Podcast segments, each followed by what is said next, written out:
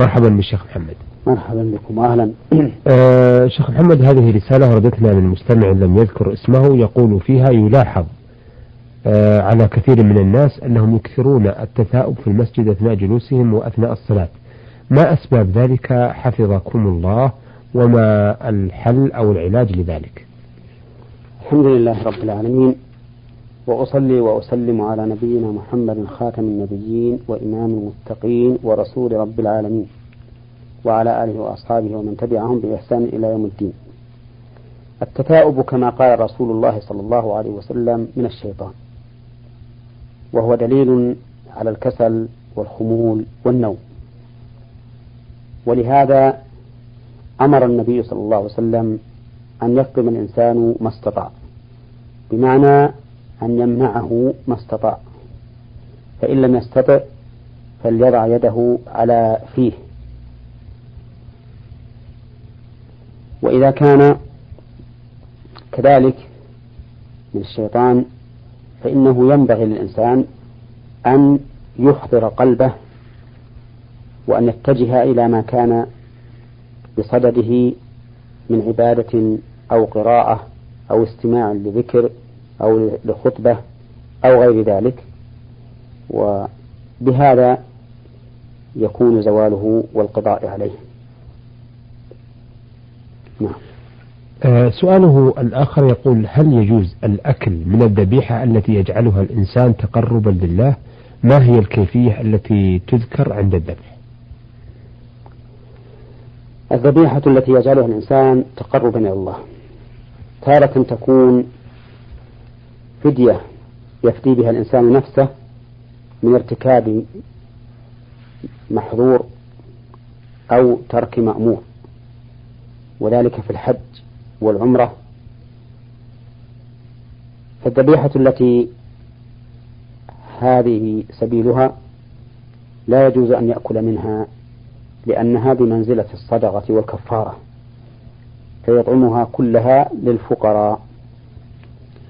وأما ما يقع قربه في غير هذه الحال كهدي المتعة والقران وكذلك الأضحية وكذلك العقيقة فإنه فإنه لا بأس بل الأفضل أن يأكل الإنسان منها ويهدي ويتصدق لأن الله يقول كلوا منها وأطعموا البائس الفقير. وكان رسول الله صلى الله عليه وسلم يأكل من هديه كما أكل من هديه صلى الله عليه وسلم في مكة حينما ذبح مئة بعير فأمر من كل بدنهم ببضعة فجعلت في قدر فطبخت فأكل من لحمها وشرب من مرقها. وقال في الأضحية كلوا وادخروا وتصدقوا. فالحاصل أن الذبيحة التي يؤكل منها كل ما كان قربة لله تعالى ليس سببه ترك واجب أو فعل محظور. وأما كيف يذبح فنقول كيفية الذبح إما فعلية وإما قولية. فأما القولية فأن يقول الإنسان عند الذبح بسم الله. وفي الأضحية يقول بسم الله والله أكبر لأن الرسول صلى الله عليه وسلم سمى على أضحيته وكبر. ويقول عند ذلك اللهم هذا منك ولك اللهم هذا عني وعن أهل بيتي. هذه الصفة القولية. هذا في الأضحية يقول عني وعن أهل بيتي؟ نعم. لكن في الفدية لا يقول لا في الفدية لا يقول هكذا. نعم. وكذلك في, في العقيقة إن قال هذه عقيقة ابن فلان أو بنت فلان فلا حرج. نعم.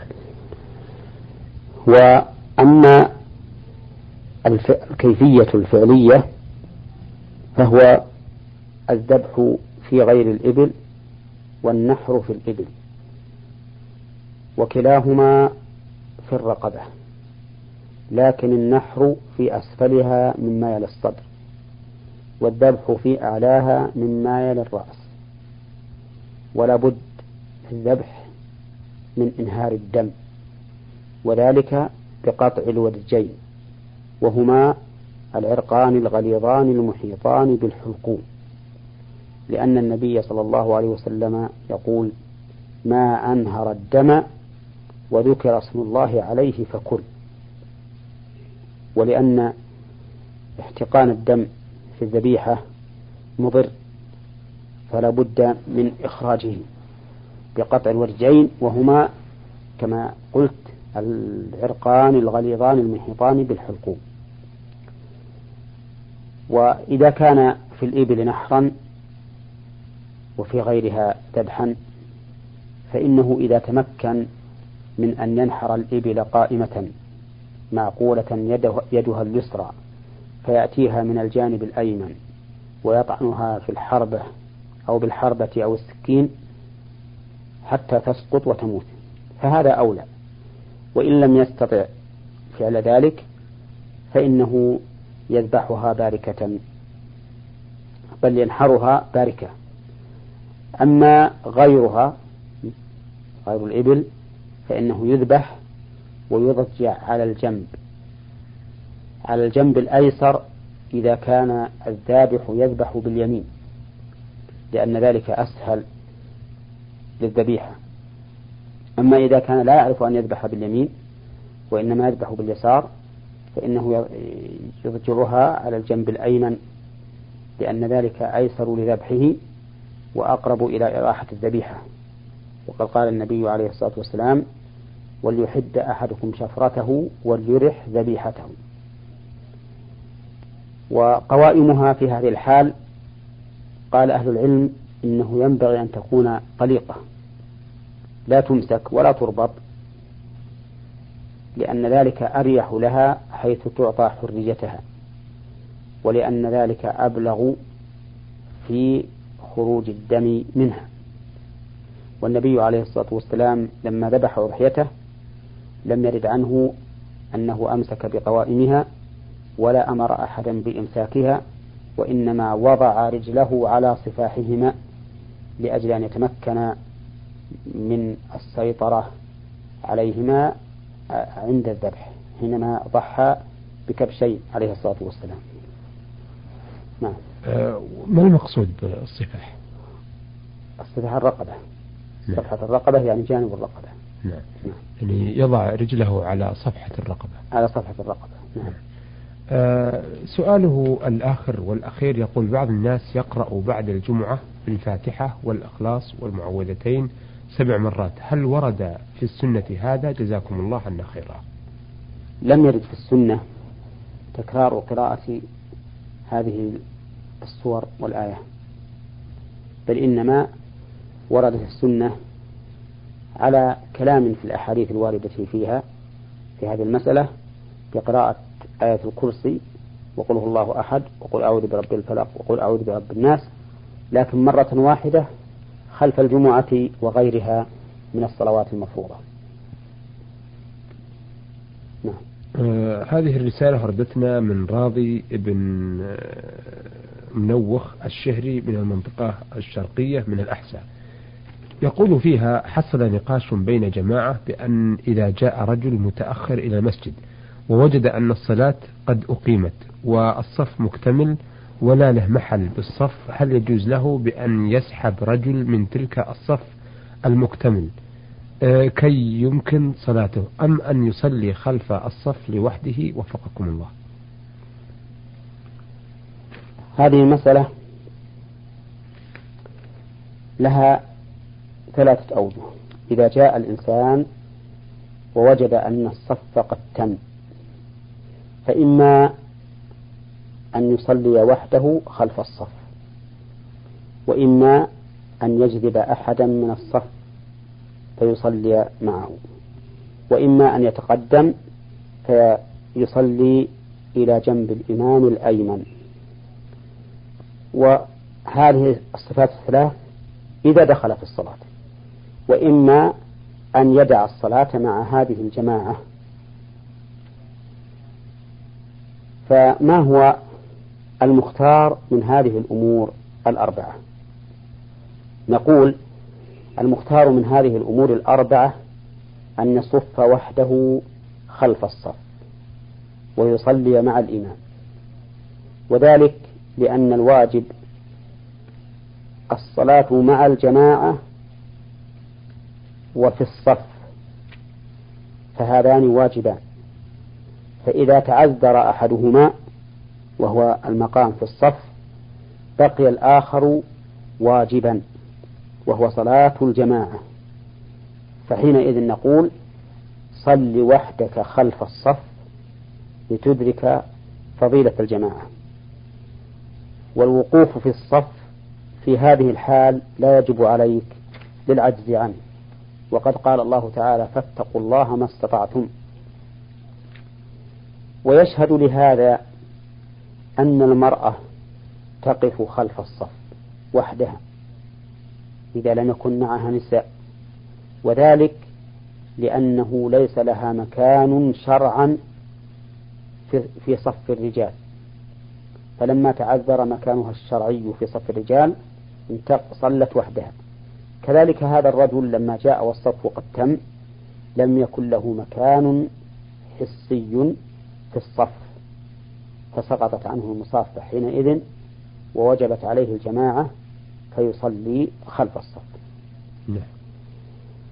وأما أن يجذب أحدا فيصلي معه فهذا لا ينبغي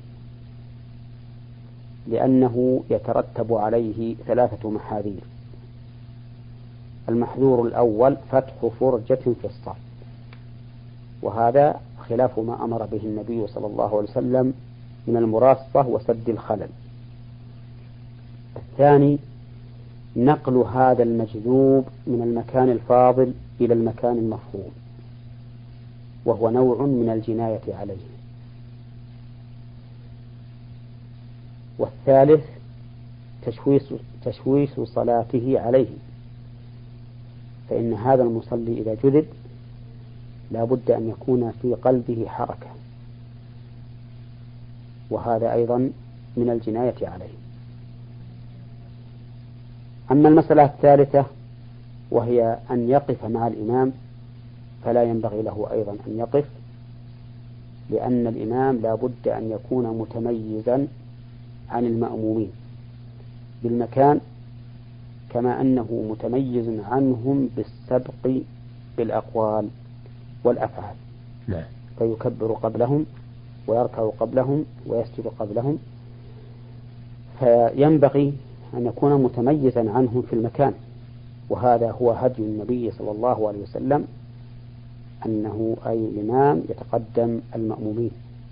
وهذه مناسبة ظاهرة في كونه متميزا عنهم منفردا بمكانه فإذا وقف معه بعض المأمومين زالت هذه الخاصية التي ينبغي أن ينفرد بها الإمام. نعم أما المسألة الرابعة وهي أن يدع الجماعة رأسا فهذا لا وجه له أيضا لأن الجماعة واجب والمصافة واجبة فإذا عجز عن أحدهما لم يسقط الآخر بعجزه عنه. نعم نعم. إذا الأولى أن أن يصف خلف الجماعة بمفرده ولا يعتد بما صلى مع الجماعة قبل أن يأتيها واحد لا يعتد به. ولا ما الفائدة نعم يعني يعتد بما أدى مع الإمام ولو كان منفردا. نعم ولو كان منفردا. نعم. لأننا نقول في هذه الحالة أو في هذه الحال سقط عنه وجوب المصافة نعم. لعجزه عنه. نعم. آه هذه رسالة وردتنا من الأخ حمد البسام من الرياض يقول أنا دائما أسرح وأفكر دائما حتى في الصلاة وقراءة القرآن أحيانا. وفي بعض المرات تمضي نصف خطبة الجمعة وأنا أفكر ولا أدري ماذا قاله الإمام في خطبة في الخطبة.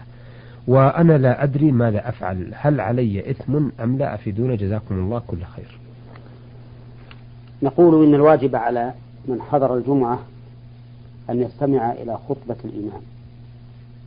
ولا يجوز له أن يتشاغل عن استماعها بكلام ولا غيره.